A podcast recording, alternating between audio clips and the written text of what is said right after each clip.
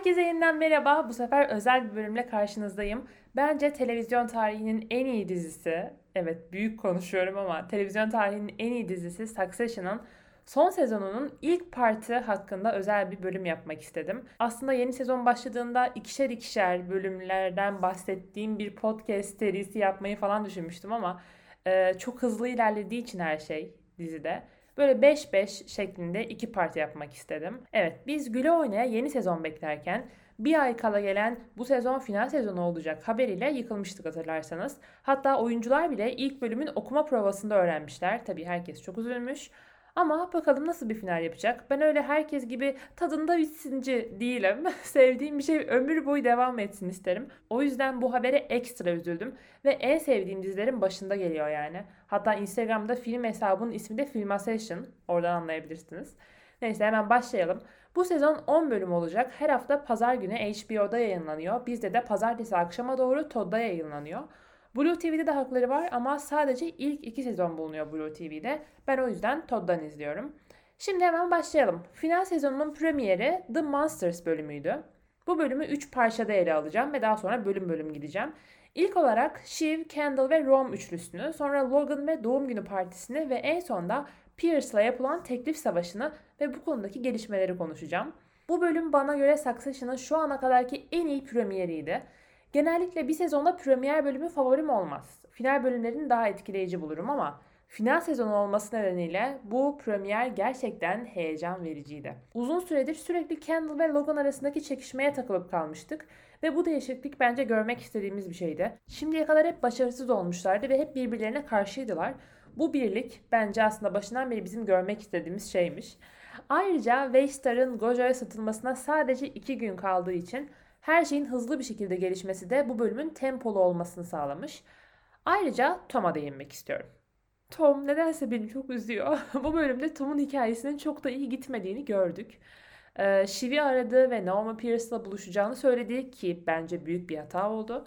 İkisi arasında romantik bir şey olmadığını da söyledi çok saçmaydı ve durumu hafifletmeye çalıştı bununla ama Shiv ile hala teknik olarak evli olmalarına rağmen farklı taraflarda yer alıyorlar. Çünkü Tom 3. sezonun sonunda kardeşlere bir nevi ihanet ederek Logan'ın tarafında olduğunu gösterdi. Bence bu durumdan bin pişman Tom. Ee, Logan'la yaptığı konuşmada Shiv ile ayrıldığında hala iyi olup olmayacaklarını sordu. Logan'la Tom'un arasının iyi olup olmayacağını sordu. Ve Logan da iyi olacaklarını söyledi ama Logan gibi biri için artık kızıyla evli değilsen bağlılığının da sonuna gelmişsin demektir diye düşünüyorum. Tom için işlerin ters gitmesi ve özellikle Pierce'la yapılan teklif savaşında topu düşürmesi bir nevi. Bence bunlar nedeniyle bölümde Tom'un hikayesi pek iyi geçmedi. Ayrıca Kendall ve Shiv'in romanı Pierce'a gitmeye ve bu yeni projeleri, yeni startupları Hunter'da girmek yerine pivot yapmaya ikna etme çabalarını da gördük. Roma'nın yeni bir şeye karşı heyecan duyması beni de heyecanlandırdı. Hatta bölüm başında oh be dedim babalarından kurtuluyorlar. Üçü bir arada yeni projeler, yeni bir sayfa falan dedim. Ama her zaman money talks ve bizimkiler de parayı seçtiler. Ama Roma'nın şu sözleri beni çok etkiledi. Kendall'a bu kararı babamızı yıkmak için Şive de Tom'u alt etmek için yaptığını söyleyerek bence nokta atış tespitler yaptı. Çünkü gerçekten öyle. Ayrıca Kendall ve Shiv'in romanın iç hesaplaşmalarını aşmasına yardımcı olmak için destek olduklarını görmekte heyecan vericiydi. Nedense bu üçlünün ilişkisi beni çok heyecanlandırıyor. Devam ediyorum. Diğer bir hikaye çizgisi de Logan'ın doğum günü partisiydi. Partide yaşananlar da oldukça ilginçti. Logan çocuklarının doğum günü partisinde olmamasından bence oldukça rahatsızdı. Logan zaten mutsuz bir insan ama bu bölümde daha da fazla mutsuz görünüyordu. Öbür yandan Carrie'nin böyle daha güçlümsü, daha etkili bir karakter olduğunu görmek benim için şaşırtıcıydı. Beklemediğim bir şeydi. Grey'in yaşadığı durumsa hala bana böyle bir çelişkili geliyor. Karakter gelişimi bazen ilerliyor gibi görünüyor ama bazen de geri adım atıyor gibi hissettiriyor. Grey'in mesela bu bölümde Tom'un tavsiyesini dinlemek gibi aptalca bir şey yapmasına şaşırdım. Odalardan birinde hani getirdiği kızla yaşadığı şeyi gidip pat diye Logan'a söylemek gibi bir tavsiye sonuçta bu. Ben hala Grey'in tam olarak bu oyunu oynayamayacak kadar saf olduğunu düşünüyorum. Ama okuduğum yorumlardan dolayı sezonun sonunda Gray'in bir sürpriz yapabileceğini de düşünüyorum bir yandan. Evet ayrıca bir yandan Connor'ın hikayesine de odaklanmış olduk. Başkanlık yarışında %1'in altına düşmekten utanç duymak istemiyor. Bir ara başkan olacaktı şimdi %1'i falan konuşuyor. Bu yüzden çok para harcıyor. Yani açıkçası Connor'ın hikayesi benim için aşırı ilginç bir hikaye değil ama durumunu izlemeye devam edeceğiz. Yine de merak uyandırıyor. Gelelim teklif savaşına. Logan'ın çocukların teklif verdiğini öğrenmesiyle başlayan savaş bence bölümdeki gerilimi doruk noktasına taşıdı. Team Logan bu haberi duyunca çok şaşırdı. Özellikle Tom'un yüz ifadesi düştü, durumun ciddiyetini anladı. Herkesin çocukların birer rakip olduğunu öğrenmesi, Tom'un bu durumda büyük bir hata yaptığını fark etmesine neden oldu. Ben hala Tom'un çok pişman olduğunu düşünüyorum. Gelelim Pierce'lara. Shiv, Kendall ve Roman'ın birlikte çalışarak Nan Pierce'ı ikna etmeye çalıştıkları sahnelerdeki iş birlikleri ve bu becerilerini görmek harikaydı. O terasla konuşup sonra olaya girişler, Shiv'in havası falan. Bu bölümde Kendall benim için en büyük kazanan oldu diyebilirim. Çünkü biliyoruz yani babasına düşman, yenmek istiyor. 10 milyar dolarlık teklifle anlaşmak fikrini ortaya attı ve sonunda babasını yendi. Ve bu çocukların Logan'ı ilk kez yendiği büyük bir zaferdi ve bu zaferi kutladıkları sahnede gerçekten mutlu oldum, gurur duydum. Yani ne diyeyim ben Team Kendall'ım sonuçta. Ama Roman'ın içine sinmediğini de tabii herkes gibi fark ettim. Ama geçmişe de bakınca babasının zincirlerinden kurtulması en zor olanın da Roman olduğunu bence biliyoruz. Birinci bölümün sonu oldukça hüzünlü ve alışık olmadığımız bir sahneyle sona erdi. Shiv'in evine gelmesi ve Tom'la olan sahneleri gerçekten etkileyiciydi. We gave it a go dedikleri sahne yani denedik dedikleri sahnede yan yana ellerini tutarken böyle gerçekten çok hüzünlüydü. Bu sahnede Sarah ve Matthew'den etkilendim. Gerçekten çok iyi oynamışlardı. Evet dediğim gibi bence bu premier bomba bir premierdi. Bakın konuş konuş bitmedi çünkü çok hızlı ilerledi ve çok şey oldu. Şimdi derin bir nefes alalım ve ikinci bölüme geçelim.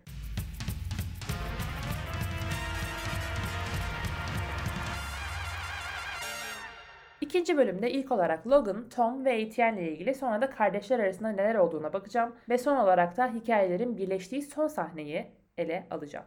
İlk bölümde 48 saatlik bir süreyle başladığımızdan şimdi Gojo'nun satın alımına 24 saat kaldı. ikinci bölümle birlikte. Gray'in Logan'ın ATM'de olduğunu öğrenmesi, Tom'u araması ve ona Logan'ın içeride güneş gözlüğü taktığını söylemesi harika bir sahneydi bence. Tom bu anlaşma tamamlandıktan sonra her şeyin sakinleşeceğini ve Logan'ın sürekli ATM'de olacağını düşündüğünü açıkladı. ATM'deki ekibe yaptığı konuşmada Logan'ın ne kadar tutkulu olduğunu gördük. Bu yüzden Logan bu bölümde hala orada olduğunu ve hala bu işler için yaşadığını o heyecanla bize hatırlattı. Ama bir yandan Jerry'den rahatsızlık duyduğunu da anladık bu bölümde ve Madsen'la bir araya gelmek istemediğini de söyledi. Ayrıca Kerry'nin ATN'deki durumuyla ilgili, bu Kerry'nin işe alınması, spiker olması ile ilgili Tom ve Sid'le yaptığı konuşmada eğlenceliydi. Hugo'nun Kerry'nin denemelerine güldüğünü ve Logan'ın bunu fark ettiğini gördük. Bu yüzden Tom'a geri dönüp Kerry'nin durumu hakkında gerçekleri söylemesini istedi ve Tom da Logan'ın bu konuda dikkatli olmasını istedi. Kerry bence tam bir facia bu arada. Ne ara böyle bir karaktere dönüştü ben hiç anlamadım açıkçası. Carrie'ye de haber verme görevinin Gray'e kalması çok komikti. O sahnede bence bayağı etkileyiciydi. Dönelim kardeşler arasındaki hikayeye. Kısa sürede takım olarak çalışmaya başladıklarını gördük ama hala kendi gizli ajandaları olduğunu da anladık. Her ne kadar takım olsalar da kendi işlerinde farklı hedefleri var ve farklı hareket ediyorlar. Bu beni biraz germişti ikinci bölümü izlerken. Ee, ve bu bölümde Connor'a da odaklandık. Düğün töreni için prova yemeğinde oldukça üzgün görünüyordu ve sonrasında yaşananlar, özellikle karaoke odasında Logan'ın siz ciddi insanlar değilsiniz, you are not a serious people dediği sahne. Shiv'in Sandy ve Stevie ile olan planları bir yanda, Kendall'ın Madsen'dan bir arama alması bir yanda. Bir de üstüne Madsen'dan üstü kapalı bir tehdit gelmesi bence bölümün yani gidişatını değiştirdi. Shiv Tom'u aramayı düşündü ve Connor eve döndüğünde Willa'nın orada olduğunu gördü. Roman babasının yanına döndü. Gel yanıma Sid'i kovalım sen de ATN'de ol dedi. Bu bence Roman için büyük bir fırsattı ama Tom için durum kötüye gidiyor. Bunu da anladık. Ben ikinci bölümü ilk bölüm kadar beğenmedim ama yine de oldukça güçlü bir bölümdü. Connor'ı her ne kadar birinci bölümden sonra çok böyle hani hikayesi ilgimi çekmiyor falan desem de bu bölümde Connor'a bir tık üzüldüm ve biraz daha onu anlamaya çalıştığımı hissettim. Bence Succession standartlarında ki o yüksek bir standart klasik bir geçiş bölümü olmuştu. Deyip şimdi geçiyoruz o bölüme.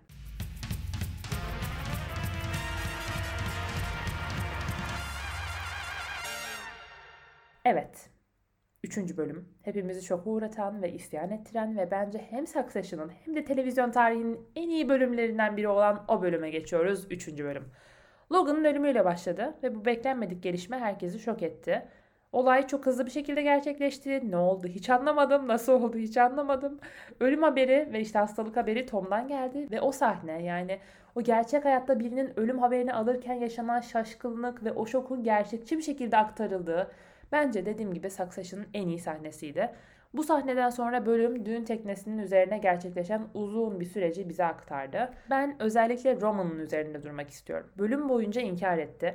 O inkar ettikçe ben de onun tarafına geçtim açıkçası. Yani Roman'ı çok iyi anladım ve çok üzüldüm. Ama işin sonunda Logan'ın ölümü gelecekte neler olabileceğini görmek için bence iyi bir fırsat sundu. Üçüncü bölümden bunu beklemiyordum ama bence çok iyi oldu. Her ne kadar kaybımıza üzülsem de kimin başa geçeceği, karakterlerin bu süreçte ne yapacakları gibi sorular öyle birkaç bölümde geçiştirilerek sonuca varılmayacak. Rahat rahat şöyle 7 bölümde bu soruların cevabını alacak olmak biraz içime su serpti açıkçası. Bu bölümle ilgili olarak bence konuşulması gereken en önemli şeylerden biri oyuncuların performanslarının çok güçlü olmasıydı. Bu hafta 6. bölüm yayınlanacak bugün 1 Mayıs ve geçtiğimiz hafta arka arkaya oyuncularla ilgili haberler geldi. Hemen dizi yorumundan çıkıp özüme ödül törenine kısa bir bakış atalım. Geçtiğimiz 3 sezonda Logan'ı canlandıran Brian Cox ve Kendall'ı canlandıran Jeremy Strong ana kategoride yani en iyi erkek oyuncu kategorisinde Emmy aday olmuşlardı. Hatta Jeremy bir tanesini kazanmıştı. Bunun yanında Tom'u canlandıran Matthew McFadden, Roman'ı canlandıran Kieran Culkin, Grey'i canlandıran Nicholas Brown da yardımcı dalda yarışmışlardı. Hatta geçtiğimiz sene Matthew McFadden yani Tom'umuz ilk emisini kazandı. Bir de canımız Şivimiz var tabi. Kendisi de her sezonda en iyi yardımcı kadın oyuncu dalında yarışmıştı. Şimdi bu üçüncü bölüm sonunda gördük ki Brian Cox bu sezonun çoğunluğunda olmayacak. Bu yüzden ana kategoride hatta belki yardımcı kategoride bile yarışmaz. Peki bizim Golden Trio'muzdan Roman ve Shive ne olacak? Derken o açıklama geldi. Roman yani Kieran Culkin bu sene Jeremy ile rakip olarak ana kategoride Yine Shiv de yani Sarah da en iyi kadın oyuncu kategorisinde yani ana kategoride aday olacakmış. Birazdan 4. ve 5. bölümü konuşurken orada tekrar bu konuya değineceğim. Ama ilk 3 bölüme bakacak olursak bence Sarah Snook göz kırptı. Ben buradayım ve çok güçlü oynuyorum görün dedi. Diğer adayları henüz bilmemekle birlikte ben bu sene Sarah'ın Emmy alacağını düşünüyorum. Şimdi Logan'ın ölümünün şokunu burada da attıysak geçelim 4. bölüme.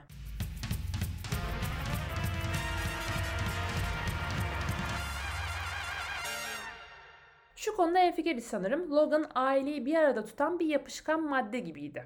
Ayrıca dizi içinde bir güvendi. Çünkü hiçbir şey yolunda gitmediğinde Logan ve o gücü hala orada oluyordu ve hiçbir şey tam olarak bozulmuyordu.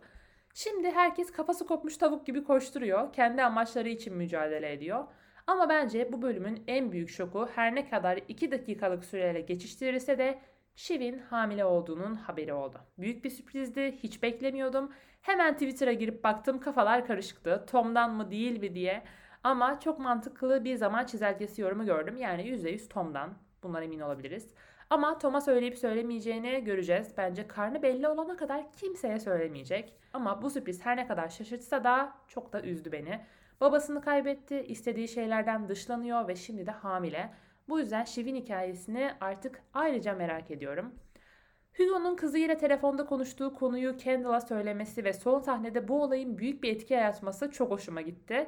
Yani Kendall'ın o sondaki gülümsemesi, o böyle hani hafif bıyık altı gülüş efsaneydi. Marsha'nın geri döndüğünü görmek de ilginçti. Shiv'in Tom'a karşı soğuk tavrı beni biraz etkiledi. Çünkü hem artık bir de Shiv'in hamile olduğunu öğrendik. E Tom'u da ben açıkçası seviyorum yani. o yüzden Shiv ile Tom'un tekrar bir araya gelmesini istiyorum. Son olarak bölümün bombası Kendall'ın Logan'ın mektubunu incelediği sahne. Vasiyet gibi olan o mektuptaki Kendall isminin altının mı çizildiği yoksa üzerinin mi çizildiği belirsizdi. Hatta bayağı bir e, viral oldu sosyal medyada. Bence isteyen üstünü çizerdi yani. Bu tam olarak bir artı 65 yaş cümlenin altının çizimi örneği. Ve prodüksiyon ekibini ayrıca tebrik ediyorum. Böyle bir şeyi nasıl cuk diye tutturdular. Ama bölüm sonunda gördük ki madem Shiv ve Roman Kendall'ın tek başına başa geçmesine geçici de olsa tamam değil. O zaman iki kişi olsun dediler. Ama ben bir orada oldum açıkçası. Sonuçta kaç bölümdür kardeş birliği izliyoruz. Yani bence üçü de olabilirdi. Ama Shiv'i biraz saf dışı bıraktılar. Sen de görünmez üçüncü kişisin diyerek gönlünü almış olsalar da benim içime pek sinmedi. Bölümü böyle bitirdik yine soru işaretleriyle. Gelelim bu özel bölümün son partına 5. bölüm.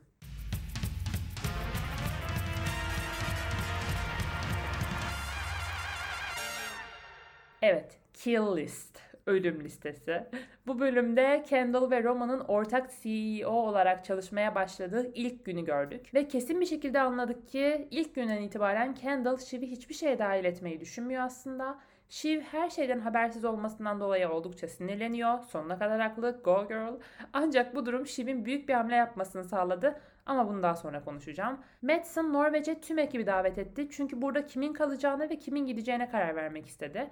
Uzun yıllardır çalışanların buna endişeyle yaklaştıklarını gördük ve içlerinden kimin kalıp kimin gitmesine karar verileceği konusunda o endişelenmeleri, o sahneler çok komikti bence. She ve ATN'de açık bir hata olduğunu öğrendi ve bu Sid'in işine son vermeleri için bir mazeret sağladı. Ama asıl neden Tom'la olan ilişkisinde hala bir şeyler olduğu için Tom'un işini korumaktı bence. Yani Shiv'in bu hareketinin. Ee, Shiv ve Madsen arasındaki ilişki beni en çok şaşırtan sahnelerden biriydi bu bölümde. Shiv çok akıllı bir kadın. Yani çok hafife alıyoruz bu kadını biz. Madsen arasında kurduğu ilişki bence gizliden gizliye onun pozisyonunu güçlendirdi ve gelecekteki terfi olasılığını arttırdı. Muhteşem bir kadın. Geçiyorum Kendall ve Roman'a. Madsen'la yapılan anlaşmayı bozmak için uğraşıyorlar ve ATN'i işin dışında tutmak istiyorlar. Ama Madsen onların planını anlıyor ve daha fazla para teklif ediyor ve böylece anlaşma sağlanmış oluyor. Ee, bu durum bence Shiv'e yarıyor çünkü Madsen Shiv'i seviyor yani arkadaş olarak ve onunla çalışabileceğini düşünüyor. Bölüm sonunda Madsen'ın Shiv'i araması ve diğerlerinin fotoğrafını istemesi ikonik bir andı bence. Ve o arada kaçtı ama Shiv Tom'u yemeğe davet etti. Hmm, hazır boşanmadılar zaten. Ben yeniden birlikte olsun istiyordum zaten. Bence süper oldu. Bakalım önümüzdeki bölümlerde ikilinin arasındaki ilişki nasıl ilerleyecek. Ayrıca bu bölümdeki en çarpıcı sahneden hala bahsetmedim. Roman'ın Madsen'a karşı o dağ üzerinde olan tavrı bence harika bir sahneydi. Şimdi bu sahneyi hatırlattığıma göre az önce ödül konuşmasında söylediğim şeyden bahsedebilirim. Bence Kieran bu sahneyle geliyorum Emmy hazır ol dedi. Özellikle bu sahneden sonra ben şu an Kieran'ı Jeremy'den bir tık daha olası görüyorum Emmy'de. Roman bu etkileyici sahnede Madsen'a babasını resmen onun öldürdüğünü ve ondan yaşam enerjisini çektiğini söyledi. Bu sahnede hem Kieran hem Madsen'ı canlandıran Alexander Skarsgård bence devleşti. Daha önce konuk oyuncu kategorisinde Emmy'ye aday olmuştu Skarsgård. Bu sene eğer yardımcı erkek oyuncu dalına terfi olmazsa kendisini konuk oyuncu dalında kesin aday olarak göreceğimize ve bence kesin alacağını düşünüyorum. Bölüm sonuna gelecek olursak bir kill list açıklaması oldu ama ben bir anlayamadım şaka mı gerçek mi. Bunu önümüzdeki bölümlerden sonra anlayıp diğer özel bölümde konuşayım istiyorum. Çünkü uçakta kadınların bakışıp gülüşmesi falan bence öylesine hazırlanmış şaka bir liste hissi uyandırdı bende. Ve evet. Çok konuştum farkındayım ama birikmiş kaç haftadır içimde. Dördüncü sezonun Succession'ın şimdiye kadarki en iyi sezonu olduğunu düşünüyorum. Biteceği için çok üzgünüm. Bu haftakini de saymazsak kaldı 4 bölüm. O zaman birkaç hafta sonra yeni özel bölümde görüşmek üzere. Diziyle ilgili tüm fikirlerinizi Instagram'da heyecanla bekliyorum. Benim ilk 5 bölümle ilgili duygularım, düşüncelerim, yorumlarım bu şekildeydi. Instagram'da bana kendi kişisel hesabım Buse Özdil'den veya film hesabım Film Asayışı'ndan veya bu podcast'in hesabı Hollywood'da podcast'ten ulaşabilirsiniz. Heyecanla yorumlarınızı bekliyorum. Bir sonraki bölümde görüşmek üzere. Hoşçakalın.